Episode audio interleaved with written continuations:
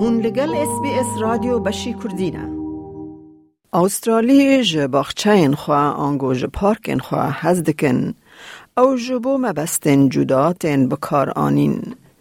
اف جهن کسک جبو مشاندنا سگان رحت بون بین ودان ورزش. جوینین جواکی ین به حوالان را پیکنیک باربکیو و میوانداری بویران و بهتر خدمت بکار دهن. ج سردان خواه یا جبو پارک که به ریک و پیک بگره هیا گر را کوهون لجهن کسکین گلم پر لدور خواه دگرن بگر زانبونا ریزک و هن سرشتین بکیرهاتی ده را ببن آلی کار کوهون پارک خواه یا حریمی چیتر بکار بینن ده همان دمه کیفا همیان مسوگر بکن. استرالیا جه پینجه هزار پارکن باجاری و زیده تر هنه. سیدنی بتنه خودان دورا چارصد پارکان و تباخ چیانه. جه پارکن بچوک بگره حیاین مزنه لدر دورو پارکن میراتا ناونیشکری.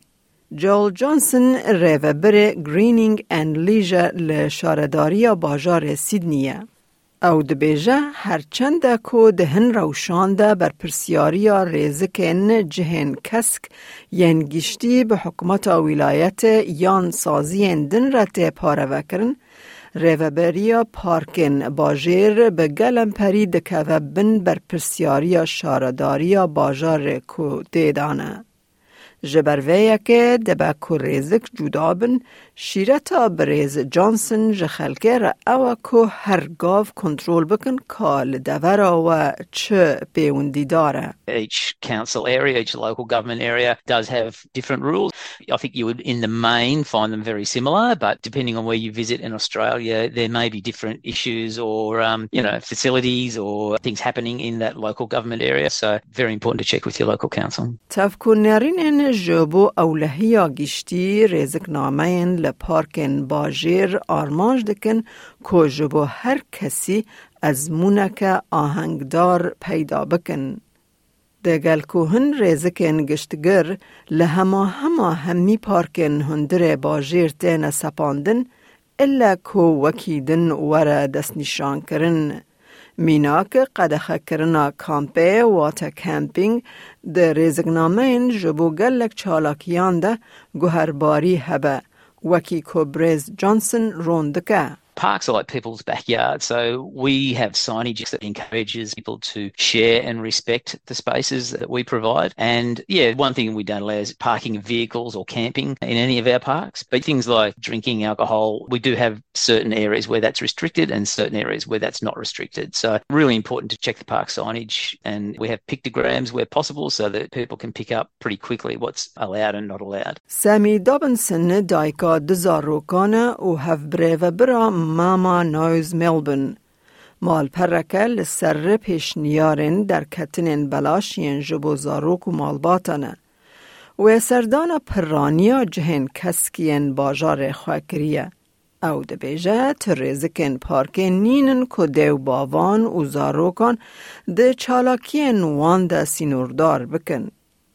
لی گاوا کته سر پارکین مزن کمکش ریزکنامه که به تواهی جدانه هیا. Places like botanical gardens where you can't kick a football and there might be some you know, regulations about ball sports or large parties of people gathering in some botanical gardens. خاتو دابنسن دبیجه دما که دورت سر بهره یا باش یا پارک و قادا لیستکه آنگو پلیگراند او ته سر مجارک هشمندیا هفپار. Things like taking your rubbish with you if you can, or finding a rubbish bin to use before you leave, cleaning up after yourself, making sure that the kids are playing on appropriately sized play equipment. You know, if you've got a toddler area, you don't want to be sending big kids coming down the slide with the little kids, could be a bit intimidating. So there's just a little bit of common sense when it comes to those دما که هون پارک که حریمی جبو روشبونا زارو که خواهل دبجیرن نزکاتیه که به همان آوایی یا بالدار بونا جبو کسندن ده هیوی کرن. Just need to be, I guess, mindful about noise, making sure you're not bringing the biggest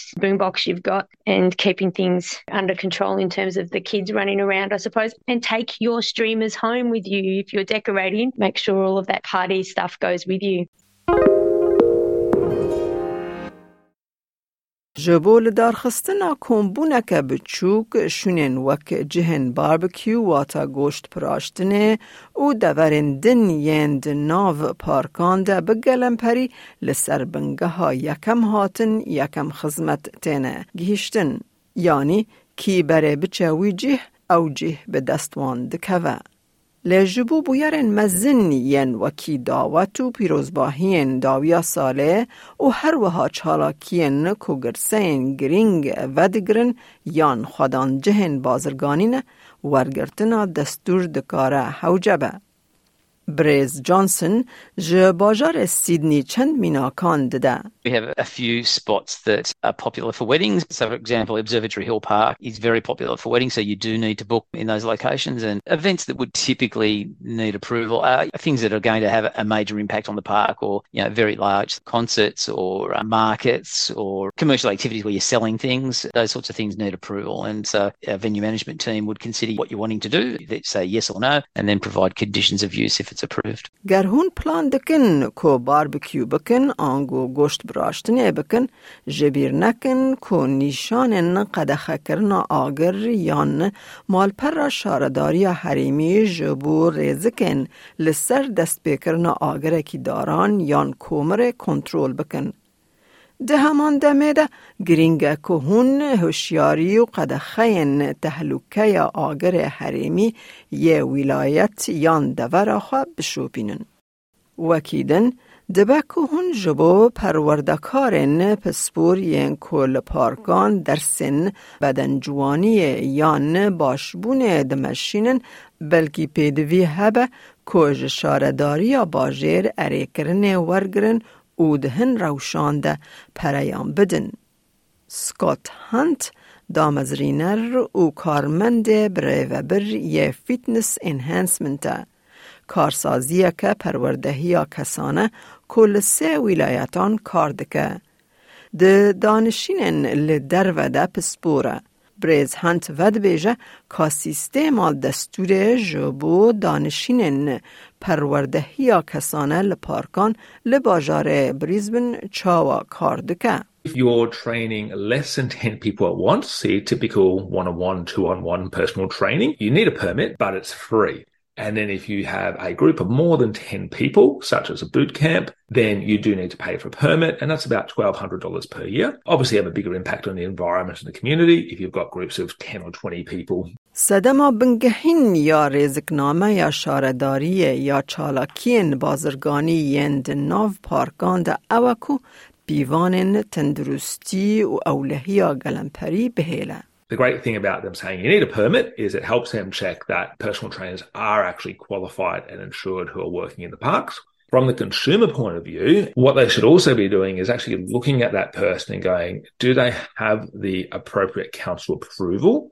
If they don't, well, check they've got insurance anyway. Just because someone looks like they might be awesome in a local park doesn't mean they're insured, qualified, registered, and safe for you. So don't assume. Do a little bit of research on it. لگوری برزهنت هرچند که رزکن پارک هم جبو کسان و هم جی جبو خودان کارسازان را زلالن در روشن نزلالی ده گرتنا نیزکاتی که دلوان و رزدار هر گاو هل بجیره که به باوره. What does council actually crack down on? They tend to only act on complaints. If you're not upsetting the community, which you probably shouldn't, especially if you're a local business owner, then you're probably not going to be asking for trouble. So I think just have that common courtesy and respect and realize, hey, it's not your park, it's the community's park and look after the environment. دەتەوێت بابەتی دیکەی وەک ئەمە ببیستی؟ گۆڕایرە لەسەر ئەپ و پۆدکاست گوگل پۆدکاست سپۆتفاای یان لە هەر کوێیەک پۆدکاستەکانت بەدەستدەێنیت.